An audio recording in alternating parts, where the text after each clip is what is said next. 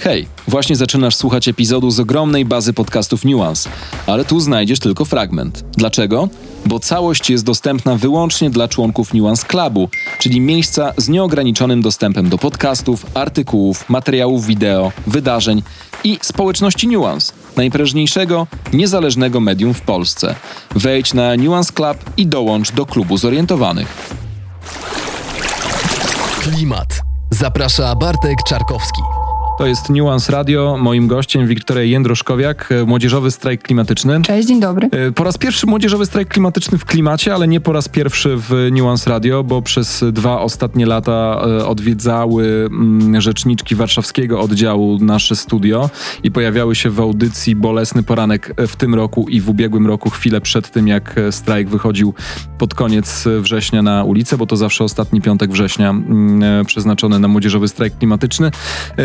Trochę niespodziewanie wczoraj pojawił się w mojej skrzynce SMS-owej, e, pojawiła się wiadomość od ciebie, potem zaczęliśmy mailować e, i właściwie zmieniłem nawet e, dla was i dla ciebie plan audycji, bo chciałem pogadać o czymś zupełnie, e, zupełnie innym, ale uznałem, że skoro sytuacja jest bardzo aktualna i właściwie dzieje się w czasie rzeczywistym, bo kiedy my siedzimy w studiu Nuance Radio, to kilkadziesiąt, no kilkaset metrów stąd przy ulicy Wiejskiej, czyli w siedzibie mm, strajku kobiet, kobiet odbywa się konferencja prasowa, na której ogłaszacie to, o czym my też będziemy sobie tutaj we dwójkę rozmawiać e, w studiu.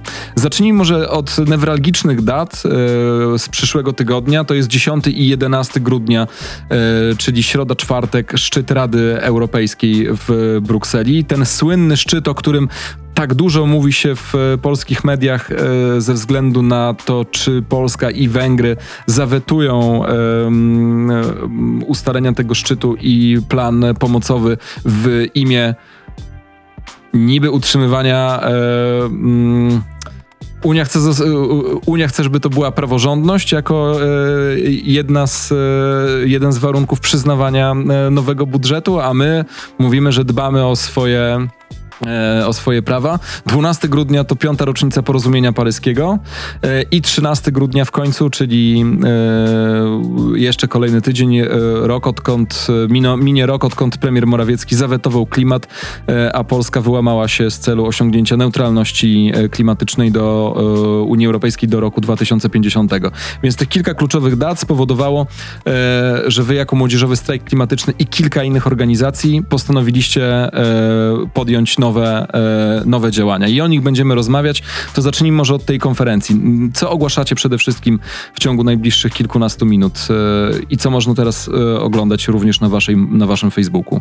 Przede wszystkim ogłaszamy głównie to, że zdecydowaliśmy się i my jako Młodzieżowy Strajk Klimatyczny, ale też szereg organizacji i ruchów, które są z nami, żeby wspólnie wyjść i manifestować to, że mamy prawo do Uh, odpowiedzialnej polityki klimatycznej. I bez tej odpowiedzialnej polityki klimatycznej nie ma żadnej innej polityki. Nie ma polityki dotyczącej praworządności, nie ma polityki dotyczącej praw człowieka, praw kobiet i tak dalej. E, I wydaje nam się, że zarówno my, jako Młodzieżowy Strajk Klimatyczny, e, Extinction Rebellion, Greenpeace Polska, czy Client Earth i inne wszystkie organizacje, które dzisiaj właśnie ogłaszają z nami działania. I które również gościły w tej audycji, a dzisiaj naprawdę zadziwiające, że wy jesteście po raz pierwszy w klimacie. Przepraszam, wszedłem ci w słowo, ale E, każda z tych nazw powinna być już słuchaczom klimatu i Nuance Radio w miarę znajoma i rozpoznawalna. Mam nadzieję, że jest znajoma. E, w każdym razie e, my razem apelujemy do też do wszystkich obywateli i obywatelek, które w ostatnich tygodniach e, czują potrzebę wychodzenia na ulicę i czują potrzebę spacerowania dla, dla swoich praw, to, że bez tej polityki klimatycznej, która jest sprawiedliwa, która jest e, przyszłościowa i która zapewnia nam tak naprawdę jakąkolwiek bezpieczną przyszłość, nie ma żadnej innej.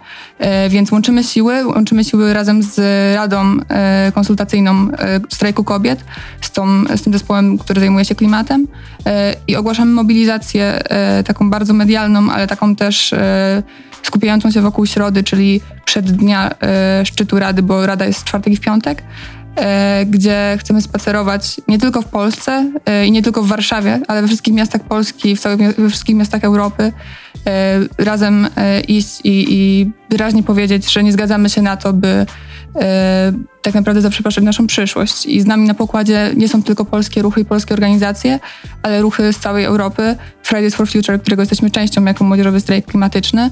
E, to jest ten globalny ruch, który e, gdzieś tam rozpoczęła Greta Thunberg i e, też e, cały taki e, cał, oraz wszyscy nastolatkowie tak naprawdę, którzy, dla których to było bardzo ważne, żeby wychodzić i, i walczyć o klimat. I my wszyscy razem solidarnościowo e, patrzymy na Polskę. Oni również patrzą na to, co zrobi premier Morawiecki za tydzień. Okej, czyli y, to była trochę spontaniczna decyzja, tak? Wy nie planowaliście tych działań na, mm, e, na przyszłą środę, na 8 grudnia, tylko w toku e, wydarzeń, które następują od e, dwóch, trzech tygodni, kiedy zaczęło pojawiać się hasło, że będzie weto polskie, e, na jakichś grupach, tak? Zdecydowaliście, że trzeba działać i trzeba poszukać też pomocy w organizacjach, e, skomasować te, mm, e, te oczekiwania i jeszcze dostać wsparcie od organizacji europejskich. Dobrze rozumiem? E, Tak jest i też e, to wynika tak naprawdę z potrzeb, o których alarmują nas osoby z zagranicy. Właśnie nasze koleżanki, nasi koledzy z innych miast z, Fridays for Future, którzy mówią o tym, że jak my się trzymamy w tej Polsce i w ogóle jak nam tutaj jest, jeśli dzieją się takie rzeczy, że z jednej strony w zeszłym roku nasz premier sprawił, że tak naprawdę zastopował całą politykę klimatyczną Unii Europejskiej i wyłamał Polskę z dążenia do neutralności klimatycznej do 2050 roku. A z drugiej strony, e, kiedy dzieją się takie rzeczy związane z strajkiem kobiet, kiedy w środku pandemii musimy wchodzić na ulicę i walczyć o tak podstawowe prawa od pięciu tygodni. Okej, to co mówią ci wasi znajomi ze Szwecji, Niemiec, Belgii, Holandii? E, oglądają relacje u was na social mediach, czy opierają się także na innych, e, na innych relacjach medialnych i budują sobie taki obraz Polski, która jest krajem z no, jakimś e, e, sporym brakiem demokracji, e, co sobie lubimy mówić, ale jednocześnie to jest spojrzenie jednej ze stron, bo kolejna powie, że jakiej, e, jaki brak demokracji. Wychodzicie, manifestujecie, e, wszystko wam wolno. Jak na to patrzą wasi równolatkowie z, z zachodu? Myślę, że kwestie Wielkie są... słowo zachód.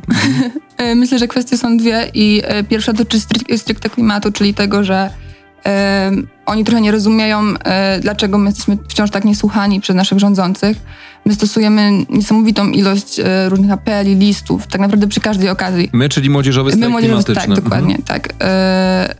Teraz przy okazji tego szczytu stosowaliśmy apelę do ministrów, do ministra klimatu między innymi, e, ale też do premiera Morawieckiego spotkania. Oczywiście nie dostaliśmy żadnej odpowiedzi to jest Ale jakaś... żadnej, absolutnie żadnej, to d- kiedy wy Żadnej. wystosowujecie, ofic- wystow- wystosowujecie pisma oficjalną drogą? Mhm, Czyli tak. to są e, fizyczne listy wysłane na adres kancelarii premiera Dokładnie. albo ministerstwa? Tak, one są często wysyłane e, mailowo, wysyłane listownie, składane w biurach podawczych i to nie działa. W sensie, Nikt nigdy nie odpowiedział na żaden wasz apel. e, myślę, że na, na nasze e, apele jakby są odpowiedzi, ale one są zupełnie nieadekwatne do tego, co my apelujemy. One często są bardzo wymijające i nigdy e, to nie jest odpowiedź, e, która polega na tym, że zaprasza się nas do takiego okrągłego stołu, przy którym my teraz siedzimy. Może to zła metafora, ale chodzi mi o to, że nigdy nas się nie włącza w tę dyskusję. Dzięki za wysłuchanie bezpłatnej części tego podcastu. Jeśli masz ochotę na więcej, dołącz do Nuance Clubu.